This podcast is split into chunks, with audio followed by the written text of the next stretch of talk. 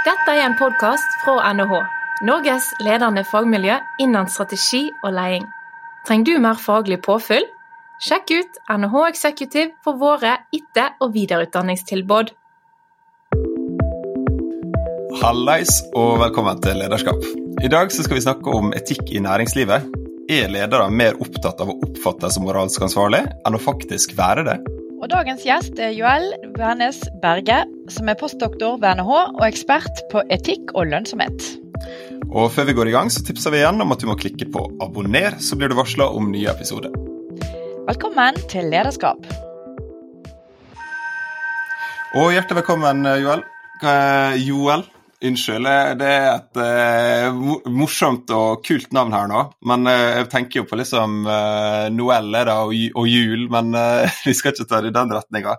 Men kan du fortelle litt om bakgrunnen din, og, og hva du forsker på? Jo, jo, takk for det. det er, for de som lurer, så er det Joel, ikke Joel. Men, men, det er helt greit å si begge deler. Jeg ble jo faktisk kalt juletingene av min far da jeg var liten, så jeg vet ikke helt om det har noe, noe assosiasjon med Noel der. Men eh, ja, for å fortelle litt om meg, da. Jeg føler jo jeg, altså, jeg føler at jeg er en litt person av ytterkanter.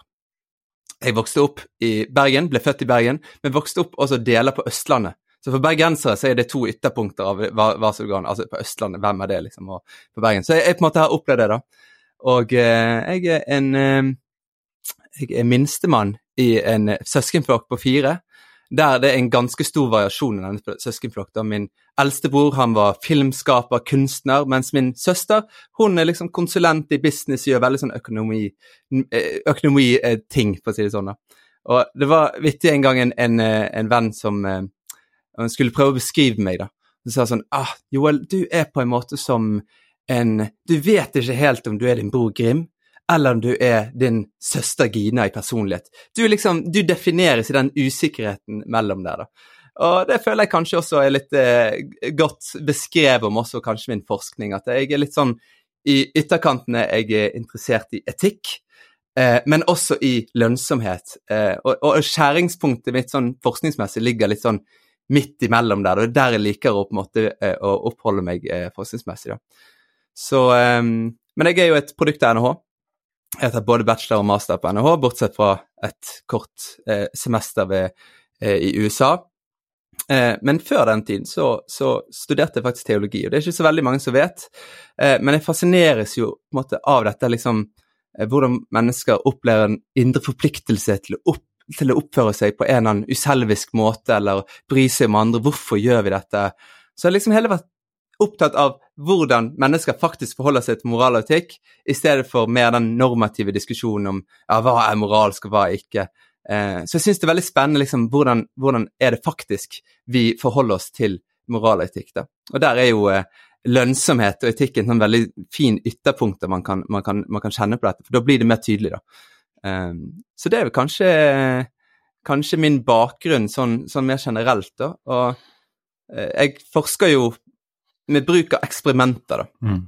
Som kanskje er litt Jeg vet ikke helt eh, hvor vant folk er med eksperimenter, men det var noe jeg ble introdusert av på NHH, da. Mm. Um, der jeg tok noen kurs med Choice Lab, um, for de som kjenner til det. da, Der man bruker eksperimenter for å liksom prøve å røyke ut hva er det egentlig som motiverer oss mm. i ulike beslutninger. Er det sånn at vi kun bryr oss om sjøl, og vil, hvis vi har for en del penger, så karrer vi alt oss sjøl og deler aldri med andre? Eller er det noen andre motiver som hjelper oss å Ja, faktisk jeg har lyst til å dele penger med andre, eller jeg ønsker å gjøre dette, da. Mm. Eh, og det syns jeg er veldig fascinerende når man studerer mer sånn ærlighet og etikk. da. Mm. Ja, hvordan folk egentlig tenker om det f.eks. å lyge. Eh, Hva er det egentlig som motiverer deg til å fortelle sannheten? Mm. Kjempekult. Og dette er jo det som heter atferdsøkonomi, sant? Eh, kan du fortelle litt om noen av de tingene du gjorde i doktorgraden din? Ja, i doktorgraden min så var jo jeg eh, eh fokusert egentlig på, på eh, det å hente inn informasjon. Så hvis du er i en situasjon der du kan lyge, eh, så, så, fokuserte jeg da på, eh, på, situasjoner Ja, vil du da søke informasjon som kan hjelpe deg å ta mer etiske valg, eller vil du prøve å kanskje unngå den, den informasjonen? Mm. Og liksom, litt den dynamikken rundt dette med det man kaller på engelsk 'information avoidance'. da.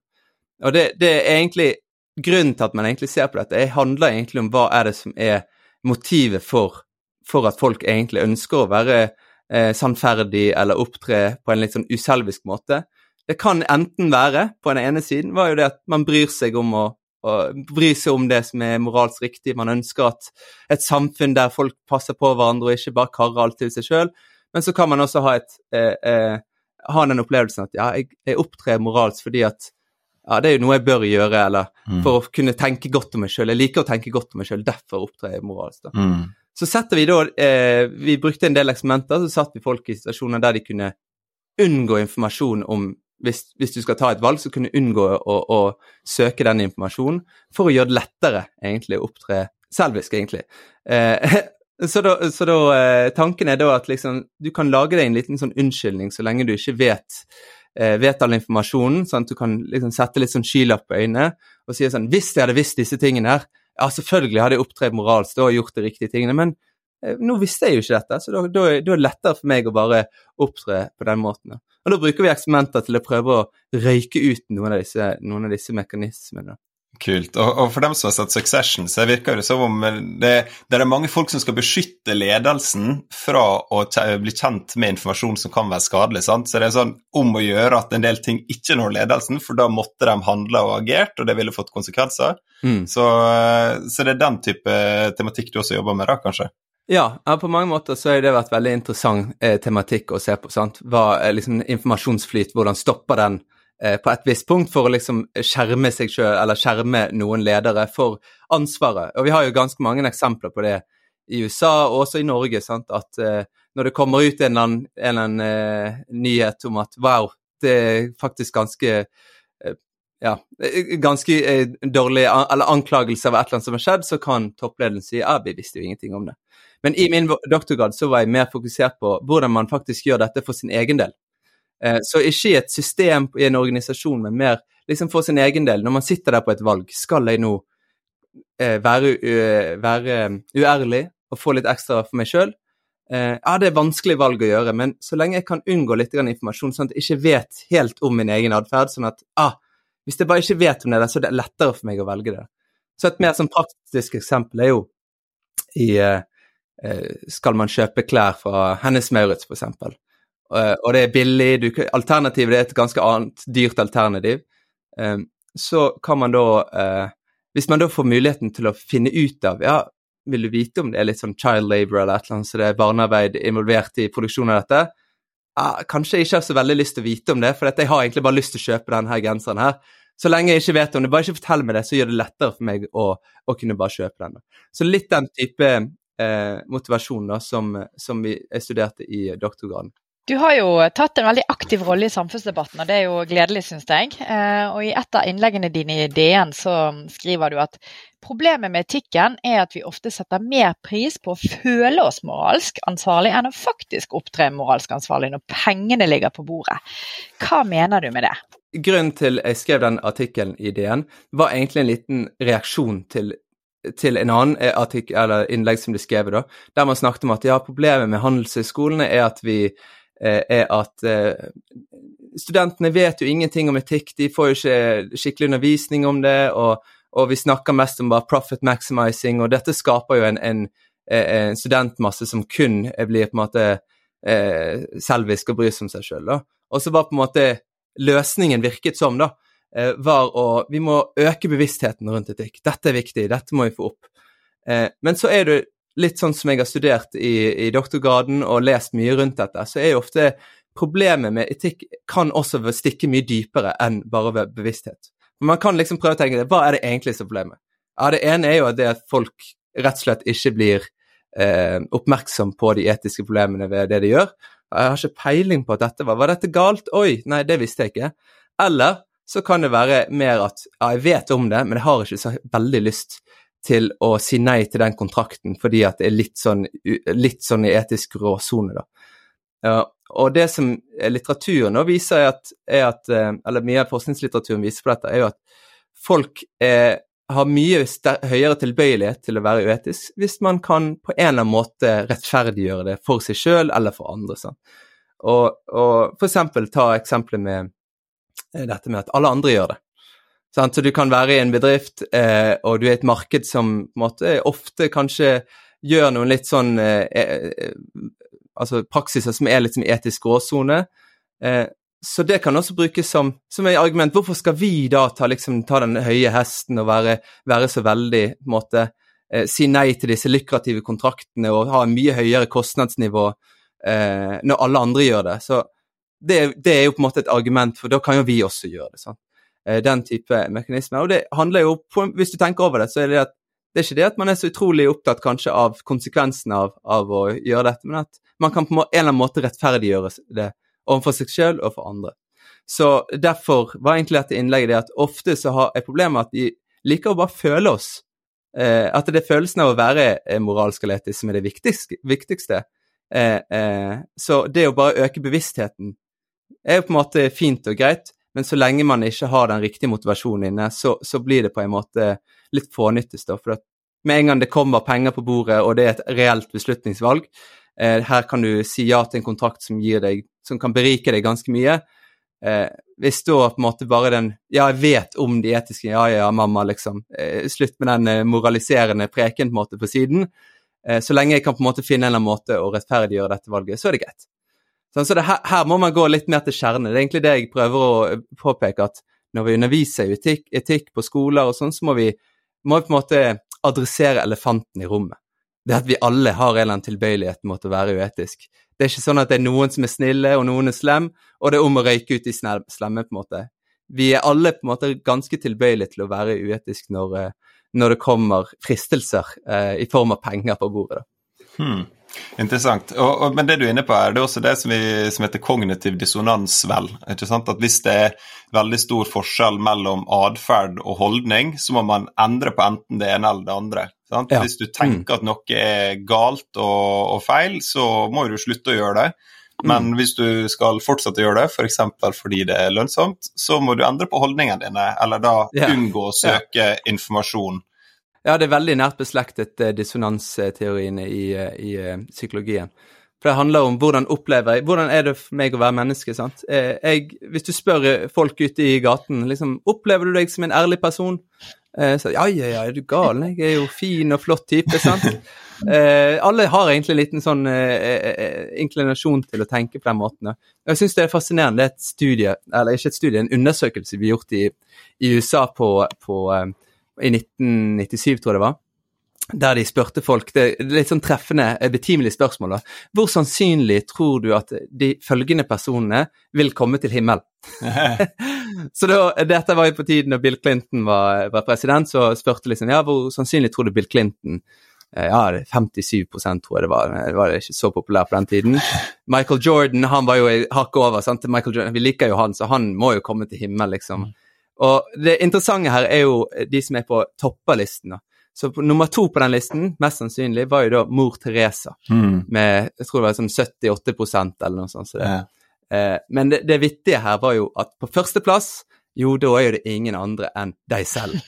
Der folk tenker at det er 90% sannsynlig at jeg kommer til himmelen. Bare I'm the perfect guy. Sant? Så det, det, men det beviser jo litt grann denne her måten vi forholder oss til sjøl på, at ah, jeg er jo en ganske fin person. Og, og, og, det kan bli et problem noen ganger når man skal uh, gjøre etiske valg. Kult. Jeg, jeg, men jeg er jo nå kommet på en anekdote som jeg syns er så god at den skal faktisk dra gjennom. Og det er begrepet 'djevelens advokat'. Det kommer fra den katolske kirke, og det er rett og slett en opponent mot helgenutnevnelser. Så idet eh, mot Teresa skulle utnevnes til helgen, så er det altså en, faktisk en djevelens advokat som taler mot det. Og da viser til f.eks. at dødeligheten på den barnehjemmet hun bestyrte, var høyere fordi eh, det var eh, dårlig oppfølging man, og mer fokus på, på å skulle be. da. Eh, og at det var flere ting som var, var problematisk. Så da liksom ble det lassa på med negative ting om Teresa. Så Eh, så hvorvidt hun kom til himmelen, eh, og hvorvidt denne djevelens advokat fikk gjennomslag, det får bli en, en annen diskusjon. Men, eh, men, kult. Det er i hvert fall ulike oppfatninger knytta til atferd, får vi slå fast. Og Kan ikke du da gå inn på litt av de studiene som, som forsker på nettopp dette her, om moralske avgjørelser? Har du noen kule funn å vise til? Ja, nevnte jo eh, nettopp dette her ene funnet med om eh, dette å unngå informasjon. Det er blitt gjort ganske klinisk i noen eksperimenter, Mm. der man har liksom redusert noen beslutningssituasjoner til et veldig enkelt valg. Eh, du kan få ta et valg som, som, du, eh, som, som beriker deg, eh, eller et valg som ikke er så attraktivt for din del. Men disse to valgene kan være ulike i hvordan de påvirker noen andre mennesker. Eh, og så da setter de en gruppe der de får vite liksom hvordan disse valgene påvirker andre mennesker. Mm. Og med en gang det blir en eller annen, en eller annen at det som beriker meg, er liksom dumt for andre, så er folk ganske mye mindre villige til liksom sånn Ja, jeg skal ha, jeg skal ha mitt, liksom. Da er man ganske så ærlig og fin, da.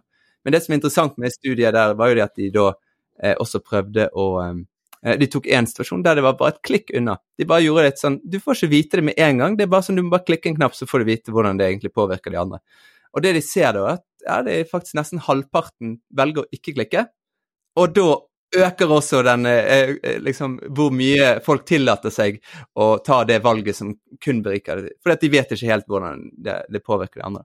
Og det er jo et sånt studie som har blitt eh, replisert ganske mange ganger i ulike kontekster, Mm. eh, som også belyser litt grann den, denne her eh, tematikken her, da. For hvis, for hvis folk virkelig brydde seg om rettferdig fordeling, at folk skulle ha det bra, så ville jo denne informasjonen vært ganske verdifull. Sant? At ja, jeg ønsker å implementere det som er bra, så da vil jeg se hvordan påvirker mine valg andre mennesker.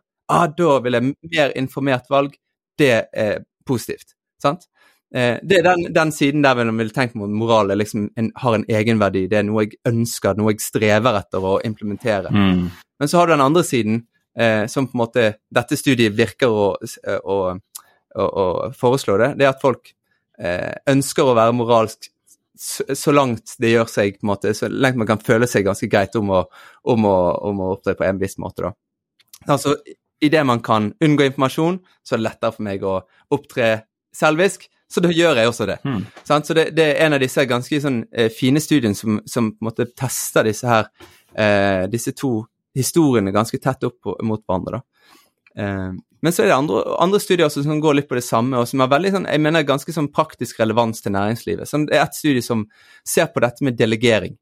Sant? At eh, de ser på ok, vi setter en person inn i en situasjon der du kan ta et valg som, som eh, beriker deg sjøl, eh, men det er på en måte ganske dumt for noen ansatte. F.eks. Det, det skader de ansatte, det gjør deres arbeidshverdag dårligere.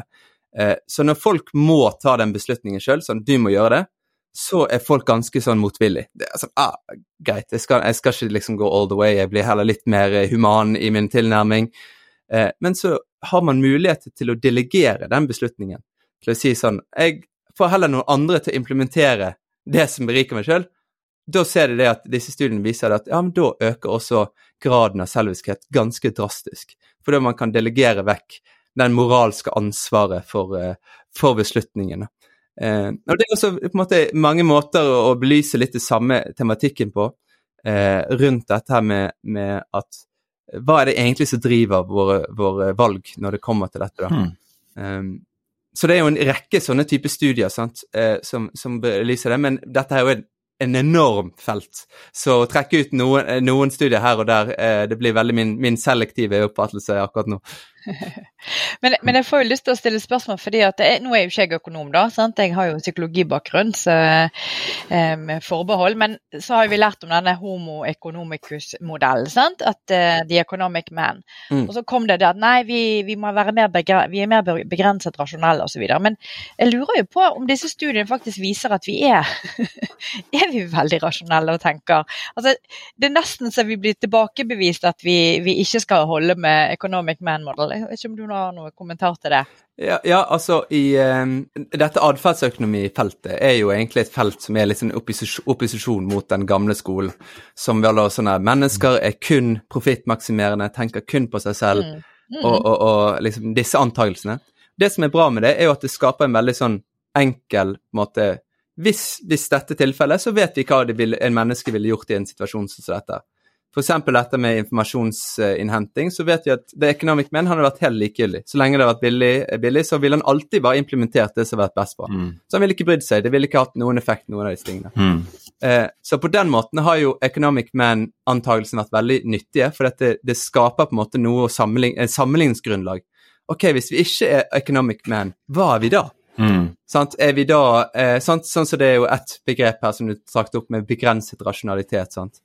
Det er litt sånn, det er også eh, gjenspeiler litt til dette her med at eh, økonomisk antakelse er jo at mennesker er fullt rasjonelle og kan prosessere all informasjon og eh, gjør perfekte valg. Eh, men så er tilfellet her at folk er ganske så eh, eh, slappe når det kommer til, eh, til hvordan vi tenker. Og, sånt. og da kom dette begrepet med, med begrenset rasjonalitet. Men det, går jo også, det er også en del forskning som snakker om dette i det etiske domenet også. Så de snakker om eh, ja, Jeg vet ikke hvordan jeg skal si det på norsk, da, men bounded ethicality, kaller de det. Hmm. Som handler om at folk ønsker å opptre etisk. I hvert fall min forståelse av denne, denne litteraturen er folk ønsker å opptre etisk. Litt på samme måte som man ønsker å maksimere sin egen velferd og nytte. Man ønsker å opptre etisk, men man greier det ikke. For man greier ikke å se alle de etiske aspektene, det er for mye. Så vi på en måte hopper på noen sånn, sånne heuristikker som hjelper oss å guide gjennom disse typer situasjoner. Mm. Men det er på en måte én side av saken, mener jeg, da. For da antar man at folk vil gjøre det etiske. Man ønsker. Og at problemet er bare det at jeg ønsker, men jeg får det ikke til. på en måte. Så da må vi bare hjelpe folk å bli mer aware og disse tingene. Eh, en annen side av den litteraturen er jo mer på dette at ja, det kan godt være et problem at man ikke eh, at man har bounded ethicality, men sitter når vi sitter i situasjoner der de skal ganske lett kunne prosessere den informasjonen, så har jo vi også et problem med at det virker at som folk er litt sånn motvillig etiske. Mm. Så du, du er det, men du er litt sånn ass, og greit, da. Da er jeg heller ærlig i denne situasjonen. Ja. Hvis jeg ikke greier å finne en annen vei ut. Mm. Ja, så, så Poenget mitt var at det ser jo da ut som at vi er mer homo economicus enn vi egentlig har drevet og tilbakevist gjennom de studiene. Og det syns jeg var ganske interessant med de studiene du trakk frem. eh. Mm, Ja. ja. Ja, kult. Ja, og nevnte ChoiceLab her på, på NHH. De har jo gjort masse eksperiment med ulike studentgrupper i Bergen òg. Eh, og det husker jeg Jeg var faktisk med på et av disse eksperimentene i sånn 2012 eller 2013. Og der var øvelsen at vi skulle gjøre noen ganske meningsløse oppgaver, men sitte og på en måte jobbe og legge inn en innsats i en time. Og, og det var jo for å føle at man hadde noe investert, og så skulle man fordele en sum med penger. Jeg tror det var 500 kroner. Mm. Hvordan syns du at dette burde fordeles? Og så tenkte jeg nei, alle har jo sittet her i samme rom og brukt tida på disse meningsløse oppgavene, så jeg delte 50-50 og satt jo da igjen med null, ikke sant? For det var min, eh, min partner hadde jo da valgt å fordele på en annen måte. Og, og det som var et funn fra den studien eh, som var interessant, var jo at det nærmeste du kom homo economicus, altså selviskhet, det var mannlige NHH-studenter. Mens de mest altruistiske studentgruppene, det var kvinnelige medisinstudenter. Så her er jo det noen fordommer som kanskje blir, eh, blir bekrefta også, da. Ja, det er Da må vi spørre deg, Joel. Hvordan utdanner du våre NHH-studenter så de skal bli eh, mindre homo economicus? Det er jo Nei, uh, utrolig fascinerende studie. Um, og jeg tror uh, Altså, mye av min inspirasjon kommer jo fra Choice Lab også. Uh, og det er jo en realitet, det som påpekes, sant, at måten vi underviser økonomi på, er ofte med brillene Du tar på deg noen teoretiske briller at vi skal maksimere profitt for eiere. Sant? At hvordan gjør vi det? Jo, da bruker vi disse økonomiske modellene, vi bruker, og, og mye av disse på en måte bunnantagelsene er at eh, eksistensen til en bedrift er å maksimere profitt til eiere. Eh, og det er jo eh, kan, det er ikke så mye fokus på hvilke midler eh, er greie å bruke på veien til det målet, i hvert fall ikke historisk sett. da. Så mye av det vi eh, Jeg underviser jo et kurs nå som heter eh, strategisk lønnsomhetsanalyse. Så det høres jo veldig sånn kjerne-NHH ut, sant? Det, og det er på en måte veldig kjerne-NHH, da. Eh, Men en av de tingene jeg har bidratt mest med i det kurset, er jo på en måte å, å legge det etiske aspektet oppå det hele, da. Så istedenfor å tenke på etikk eh, som en sånn ting vi har på et annet kurs, du har ett kurs om etikk, og så har du dette skikkelig kurset om nå er det liksom NHH, eh, profittmaksimering, da. Eh, men der jeg først un un underviser litt mer klassiske teorier, og så etter hvert så på en måte bare legger man litt og litt av disse etiske aspektene eh, på problemene vi snakker om, da. Mm. Og, og, og bare for liksom å hjelpe folk å kjenne litt på ja, hvilke, hvilke utfordringer kan komme. Da høres det jo absolutt ut som det har kommet uh, mer etikk inn i undervisninga også på, på bachelornivå. Jeg, jeg, kan jo nevne at jeg, jeg, gikk jo faktisk på NHH fra 2011 til 2012, og, og da var det ett fag i uh, etikk som var et sånt obligatorisk fag på 3,75 studiepoeng eller noe sånt, så det var mm. bare ei eller to forelesninger og en liten oppgave. og, og det var mitt favorittfag, så da skjønte jeg at jeg kanskje ikke var landa på riktig hylle. men, men, nå går dette her inn i, i flere deler av undervisninga. Og, og, du refererer bl.a. til en, eh, en, sånn case du ga til studentene dine. Kan ikke du fortelle litt om, eh, om, det caset? Så En måte vi gjorde dette på i, eh, i forelesningen, var jo å introdusere studentene for et case som hadde en etisk dimensjon i seg, men vi måte, snakket ikke om det på forhånd. Vi bare begynte på et investeringsbeslutning som handlet om eh, bør en, et firma eh, kjøpe opp rettene, rettighetene til et gammelt eh, medisin som der patenten hadde gått, løpt ut og prisen var ganske lav. Så hvordan skulle vi analysere dette? Jo, vi brukte jo de gamle, de fine strategiske analyseverktøyene for å finne ut ja, hvordan er markedet for dette, er det konkurrenter der? Eh, er det liksom noen eh, problemer at noen andre, hvis vi begynner å skru opp prisen, at andre konkurrenter vil komme inn? Ja, så finner vi det at ja, det er faktisk veldig vanskelig for andre å komme inn pga. litt sånn ulike lovgivninger og få, få um, sånn regulatorisk uh, godkjenning, som egentlig i praksis i denne, dette caset var at ja, du kan faktisk ha et monopol i dette markedet på sånn tre til fem år, egentlig. Og det som var litt spesielt med dette caset òg, er at prisen man kunne sette, eh, som allerede var ganske lavt i utgangspunktet, da, den var veldig sånn Man kan bare sette det til hva som helst. På grunn av i USA så er det en, en lovgivning der, der, eh, der, staten ikke har lov til å forhandle på prisen på, eh, på legemiddelselskapenes pris da, på, på deres mm. medikamenter. Så da var spørsmålet ok, alle var liksom på en måte ganske enige med at dette her er en kjempegod idé, dette her er alt lyser grønt. Eh, spørsmålet er bare hvor, hvor, hvor, høyt skal vi egentlig dra prisen opp, sant. Dessverre så spurte jeg dem ikke om hvor høyt de egentlig ville, ville ta det, at jeg faktisk spurte dem om det. Jeg bare sånn, Tenk, liksom. Hva, hva vil du tenke? Liksom, diskutere litt. Jeg angrer på det i dag, for jeg ønsker å, å se hvor, hvor, høyt de ville strekke strikket. da. For faktum var at dette var et reelt case, eh, der, som, der prisen ble endret fra 13 dollar per pille til da 700 eh, dollar per pille, da, som en ekstrem prisøkning som skapte furore i Amerika. Sant? At, dette her kom opp i, i media. Og, for dette var en, sånn, det var en ganske liten gruppe pasienter som var helt avhengig av den medisinen for å overleve. Det var, jeg tror det var sånn aids-relatert medisin. Eh, mm. Eh, så disse menneskene ble jo helt sånn eh, i en desperat situasjon, har ikke penger til dette. Og det kommer jo mange historier om alenemødre som ikke kunne, kunne på en måte kjøpe medisin og risikerte livet. Sant? Og det kom opp i media og i Kongressen, der et veldig mm. interessant der de sitter og spør denne, her, denne CEO-en i dette legemiddelselskapet kan ikke du nå liksom være snill, være et lys for verden, liksom. Nå kan du vise at legemiddelindustrien kan faktisk gjøre noe positivt. sant? Eh, men der han ble ganske kjent for det å bare smile og bare si sånn Ja, nei, dette business er business, liksom. Hmm. Og det som var litt interessant med et case, for jeg antok da at alle studentene ville bare være helt, helt eh, liksom Dette er jo helt forferdelig, dette vil vi aldri gjøre igjen, på en måte, eller noe sånt som det.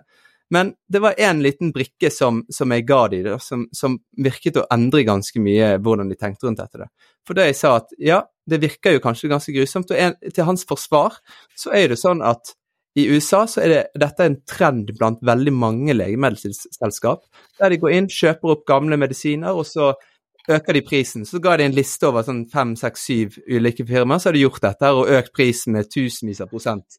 På samme måte. Det som var problemet til han her Martin Skrelly, som var dette caset her, det var at han ble oppdaget. Det var det som var mm. hans synd, på en måte. At liksom, oi, nå fikk alle øynene opp for dette, da.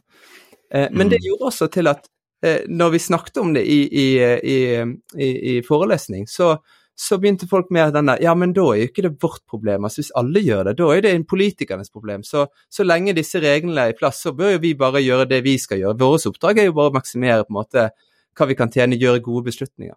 Og det satte en veldig sånn tankevekker i meg, da. Hvor, hvor lett måte den tanken på hun alenemoren der som slet medisin, den var liksom plutselig glemt nå. Nå er det bare Nei, vi skal jo bare gjøre det som vårt mandat, på en måte. Så lett å, å putte en annen adressat på det hele problemet. Eh, og, og, grunnen til at jeg syns dette var en, en, litt illustrerende case for det vi snakket om i den artikkelen, om om at ofte så handler det om bare hvor, hvor lett er det å forklare problemet. Altså, ja, vi, hvis vi kan ta en god beslutning og forklare det ganske greit med at alle andre gjør det, ja, da, da, er det på en måte mye lettere å gjøre det. Eh, men det var liksom det, dette begynte jo en, en, del av kurset der vi begynte å snakke mer om disse, disse motivasjonene og og bli mer bevisst på hvordan man ofte tenker rundt etiske valg. At ja, når vi sitter her i klassen, så er vi alle syns det er fint med sustainability og alt det som liksom rosen rundt, og vi skal redde verden med økonomi. Men til syvende og sist så vil du sitte i beslutninger der, der penger er på bordet, og da er det en annen ballgame, og da må man være forberedt på det den, eh, den spillestilen, si det sånn. Mm. Ja, for jeg, Nå kom jeg på eh, masteroppgava til en kamerat av meg som heter Kasper Vagle, som var, var gjest her på podkasten eh, for noen episoder siden. Eh, og han fant at hvis du sammenligner selskapet, den amerikanske børsen, SB500, tror jeg, og så på ulike korrupsjonsskandaler, så fikk ikke det utslag over tid på deres aksjekurs.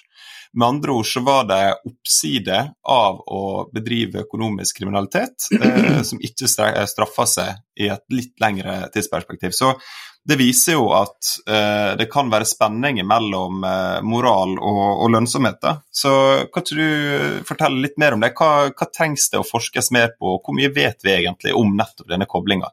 Ja, dette er jo et enormt eh, forskningsfelt akkurat nå, eh, for å finne ut av Sant? Sånn som sier at ja, hvis det er sånn at straffen for å opptre eh, litt sånn som dette legemiddelfirmaet, og liksom utnytte reglene så mye som mulig, og til og med strekke enda lenger der du faktisk gjør korrupsjon, eh, mm. eh, ikke straffer seg, at gevinsten av å gjøre dette er faktisk større enn straffen hvis du blir tatt, da er det jo et problem. Sant? Da kan jo man tenke seg ja, men da er det lønnsomt å drive sånn, så da, hvorfor ikke bare kjøre på og være helt eh, på en måte kun homo economicus, vi bryr oss kun mm. om å maksimere profitt. Fordi at straffen er jo eh, altfor liten til at vi kan bry oss av. Og, og, mm. og dette er også bevist også på, på, når det kommer til sanksjoner også. At eh, gitt at du blir tatt, eh, og ser på størrelsen av sanksjoner, det er et annet studie, så er ikke det tilsvarende egentlig gevinsten av det å, å gjøre det i utgangspunktet. Så kombinert, mm. de, to, de, to, kombinert, hvis folk og aksjekursen ikke reagerer, og sanksjonene er ganske lave, ja, da er jo egentlig fritt fram. Men det er en mm. del forskning nå som, som eh, ser på dette her på en liksom, med motsatt fortegn. Men, løn, men hva egentlig Finnes det en eller annen sånn skjult lønnsomhet ved jo det å være måte, bedre enn nødvendig, da? Eh, og, og, mm. opptre moralsk og ha en høy standard og, og, behandle sine ansatte med verdighet mer enn det som vi absolutt må fra et, eh, et compliance-perspektiv eh, eller fra lovens eh, perspektiv. Har det noen sånn litt uante eh, fordeler, da? Mm. og, og, det er et, et fascinerende studie som, som, noen ganger trekkes fram, da av eh, Robert Eccles i USA. Eh, publisert i Management Science, som er veldig sånn kjent, eh, kjent tidsskrift. Der de går tilbake til 1994 og identifiserer bedrifter som på den tiden var veldig, måtte, veldig opptatt av liksom denne her eh, høy standard med ESG-standard. altså vi, vi, bryr oss om, eh, vi bryr oss om eh, de ansatte, vi bryr oss om alle liksom, disse implementert inn i styringssystemene, og at det er liksom høy grad av det, versus de som er eh, eh, altså På den tiden også var mye mer sånn ok, vi er kun her for å maksimere profitt. Det er det vi gjør. Vi er homo economicus, kjører den stilen der. Og så tok de da og eh, Fra 1994 så tracket de da La anta nå at du liksom investerer en dollar i hvert av disse, disse bedriftene her, en sånn cluster av disse bedriftene, mm. eh, og så ser vi hvordan aksjekursen eh, utvikler seg over tid. da. Og Grunnen til at de mente at det var, eh, dette var litt sånn valid greie, det var jo at i 1994 så var ikke dette så populært at alle gjorde det bare for liksom Jeg er med, jeg også. sånn, Jeg òg bryr meg. Men at i 1994 så var det liksom Du, du fikk litt sånn der, rå kjernen av de som faktisk brydde seg, da. Eh, men det de finner da, det var jo at, eh, at aksjekursen til de bedriftene som tok mer ansvar enn nødvendig, faktisk hadde en mye større, bedre eh, eh, utvikling på, på kursen. Så det var en, eh, mer enn en mm. dobling av aksjekursen over tid. Og dette her er jo et studie som trigget veldig masse ekstra eh, forskning. Sant? så folk vil jo, dette er jo, Da skjønner du at folk begynner å bli våkne opp. Mm. Eh, men, men, det virker ut som om pilen peker på at faktisk det å opptre på en måte ikke så kalkulatorisk og på en måte være mer eh, måte medmenneskelig da, i måten man driver bedriften sin på, har en del uante benefits. Da, at man faktisk er mer lønnsom over tid ved å gjøre det. Men dette her er, dette er et stort felt. Det er veldig mye forskning frem og tilbake på dette. Men jeg tror, men jeg tror eh, hvis, hvis, i hvert fall min, min eh, eh, konklusjon av det vil være at det, det virker at, pendelen peker mot at det faktisk er mer lønnsomt eh, over tid å ta et Mm. sånt. Altså, fordi det, det er ganske mange skjulte benefits. Sant? Hvis du gir dine ansatte god lønn, så blir de motivert. Kanskje de også føler litt eierskap til det de gjør. De, de, de bryr seg mer, de setter inn ekstra effort. at mennesker er jo litt sånn at Vi, vi, hvis du behandler meg godt, så skal jeg behandle deg godt tilbake igjen.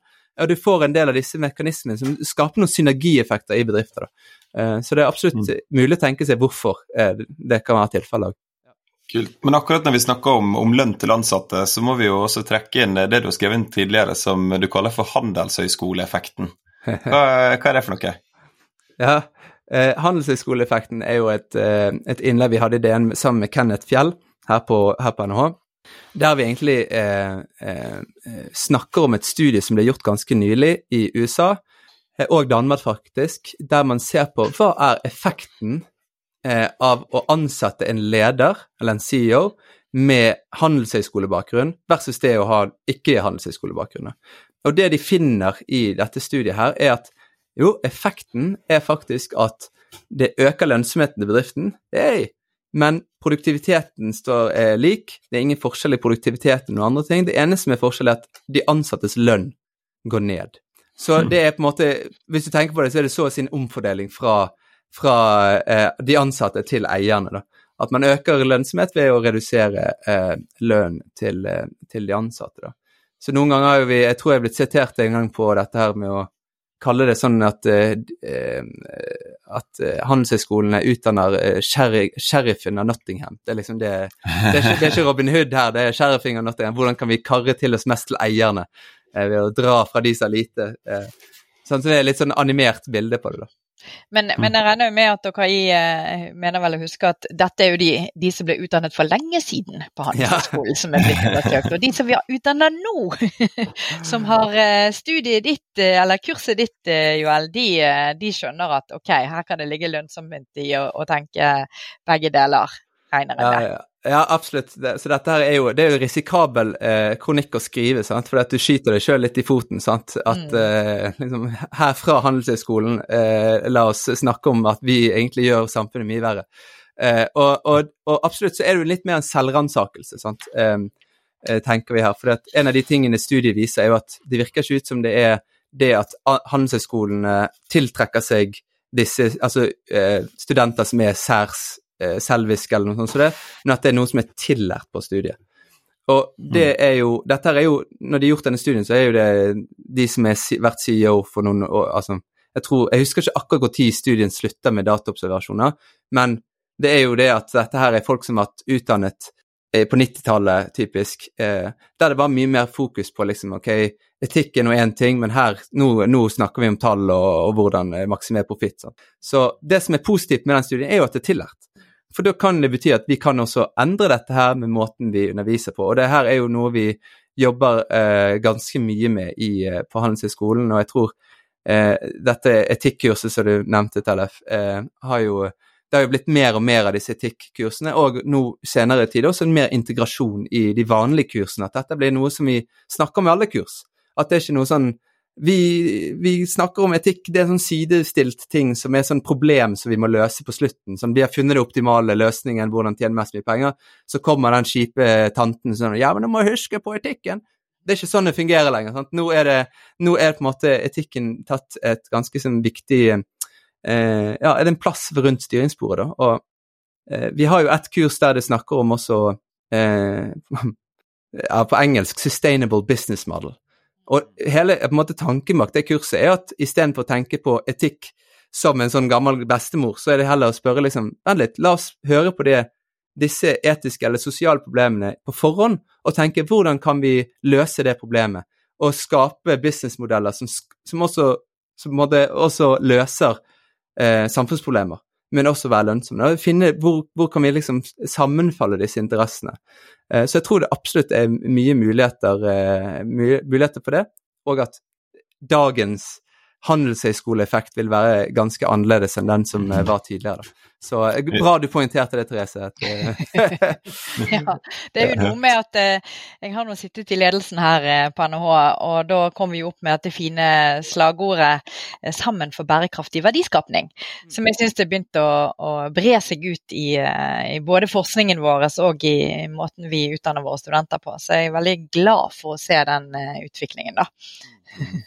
Ja, for nå har vi, vi har jo snakka om, eh, om, mange problemer nå, og sikkert en del, en del kritikk av, eh, av, eh, både folk som er utdanna fra handelshøyskoler, og, og, hvordan ting har vært. Men hvis vi skal prøve nå å, å, trekke ut noen av disse lærdommene fra, fra forskninga og arbeidet ditt, har du noen konkrete tips til ledere om hvordan de kan ta kanskje mer moralske eller etiske avgjørelser, og hvorfor de burde det? Ja, absolutt. Um, tror i hvert fall min, min hovedtips uh, hoved, uh, er da at vi må ikke anta at folk er enten snille eller slemme, men at vi må liksom erkjenne det at ja, vi alle er, på, er på, uh, til en eller annen grad tilbøyelig til å opptre litt sånn selvisk og tenke på etikk som et sånt problem um, som må løses, bare, da. Så et tips ville jeg da sagt at um, man bør identifisere områder i bedriften sin, eller, eller uh, man jobber i, hvilke områder er det, det ekstra stor risiko for at folk blir fristet til å, å være uetiske? At det, her, det, her, legger vi mye måtte, vekt på skuldrene til de som skal sitte på beslutningen, at de må være veldig moralske eller noe sånt. Så det å, å deale med disse her fristelsene i form av kanskje store pengesummer eller noe sånt, kan prøve å identifisere disse her, og gjøre måte, livet lettere for dem ved å kanskje redusere disse fristelsene, eller finne ut måter man kan, man kan hjelpe hverandre med å ta bedre etiske beslutninger. Da, og rett og slett mer sånn systemtenking. Hvordan kan vi skape et system der det er lett å være, være, ærlig, der det er lettere å være ærlig enn at man måtte bare antar at ja, men vi har jo han snille Joel Berge der, han vet jo om etikk. Han kan, han kan deale med de problemene der, men at man prøver å hjelpe hverandre. da. Uh, og den siste tipset mitt, egentlig altså Første tipset er å prøve å gjøre en god problemanalyse. Hvor er det disse er størst? Og så kanskje redusere disse problemene, få mer hjelp. Og det siste er ikke forskningsbasert, uh, men min egen refleksjon rundt det hele. Da. Og det tror jeg er at man må være altså Vi trenger uh, åpenhet rundt fristelser i bedrifter. da. Og det snakkes mye om psykologisk trygghet, og dere har jo hatt Bård Fyn her inne også. Sånn. Og en ting jeg tror på, da, det er jo at man kan være mer åpen om, om det, dette litt sånn stygge ved, ved, oss. da, At vi er litt sånn selviske. Vi har en tendens til å liksom ville lyge, ville karre til seg selv. At vi kan være åpne om det for at vi kan også hjelpe hverandre.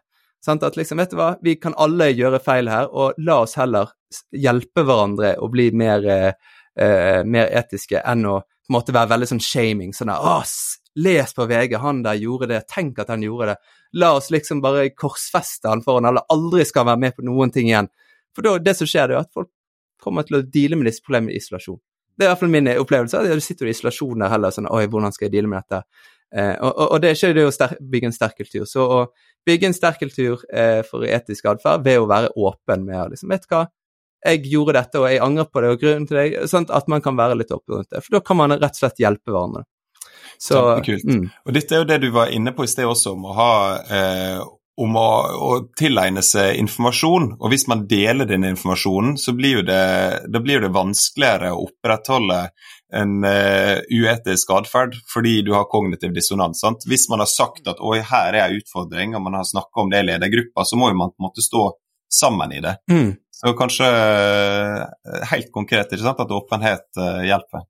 Mm. Ja, kanskje man må innføre ukens etiske dilemma ja. i, ledermøtene sine. Absolutt. Mm. Og dette her er jo noe jeg, jeg eh, jobber i Statkraft delvis også. Der, der, snakker vi en del om disse, disse, tingene. Hvordan kan vi skape en god kultur rundt etiske problemstillinger? For det er vanskelig å liksom regulere all atferd til disse ansatte i et så stort konsern, og da bruker de faktisk etiske dilemmaer som et verktøy. For å liksom, mm. ok, sette på agendaen. liksom, ok, Her er det faktisk et vanskelig spørsmål som folk har dealt med la oss tenke over det. det liksom, hvordan kan vi tenke på disse tingene? Eh, for dette hjelper oss å, å, å, på en måte kjenne på litt etter også. Oi, dette var litt vanskelig, og dette her det man kan gjøre ulike ting. Så jeg, jeg, tror, jeg, tror, veldig på at det er en, en, en riktig vei å gå, da. Eh, men det forutsetter jo da at du har på en måte de rette folka om bord, da. At eh, du mm. har eh, anskaffet folk som ønsker, og i hvert fall i det minste, å gjøre og opptre etisk, da. At ikke det at man har lyst til det, men at man syns det er vanskelig fordi man faller for fristelsen noen ganger. på en måte. At ikke man bare fullstendig har de folka som bare er kun her for penger. Ikke snakk med meg om noe annet. Så, så, det er også en liten eh, tips til rekrutteringskriteriene i bedrifter også, kanskje.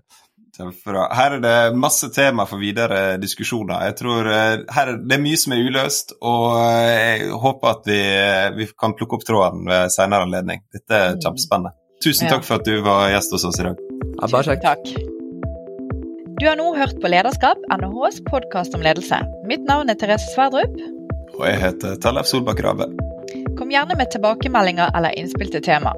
Og Du finner kontaktinformasjonen vår på NHH sin hjemmeside, eller så kan du skrive til oss direkte på Twitter og LinkedIn. Og det er det veldig kjekt hvis du kommer med tips til eh, tema vi burde ta opp, eller om du har spørsmål eller sånt, så fyr løs en e-post. Og selvfølgelig, vi blir veldig glad om du likte det du hørte og deler det videre i nettverket ditt. Yes, Så ta gjerne og abonner på podkasten, og så snakkes vi neste gang. Og det blir vel faktisk over sommeren, det. I mellomtida så har vi 57 eh, episoder som du kan eh, høre på, så eh, vi ses på andre sida av sommeren.